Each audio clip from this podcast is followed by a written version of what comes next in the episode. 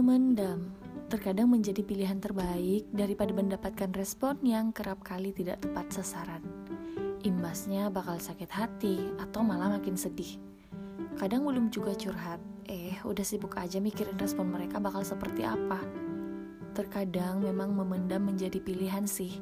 Namun, jangan lama-lama, sebab luka yang dibungkus lebih lama bakal menimbulkan infeksi dan berbahaya. Cobalah sedikit mengutarakan atau menjadi terbiasa dan bersahabat dengan luka.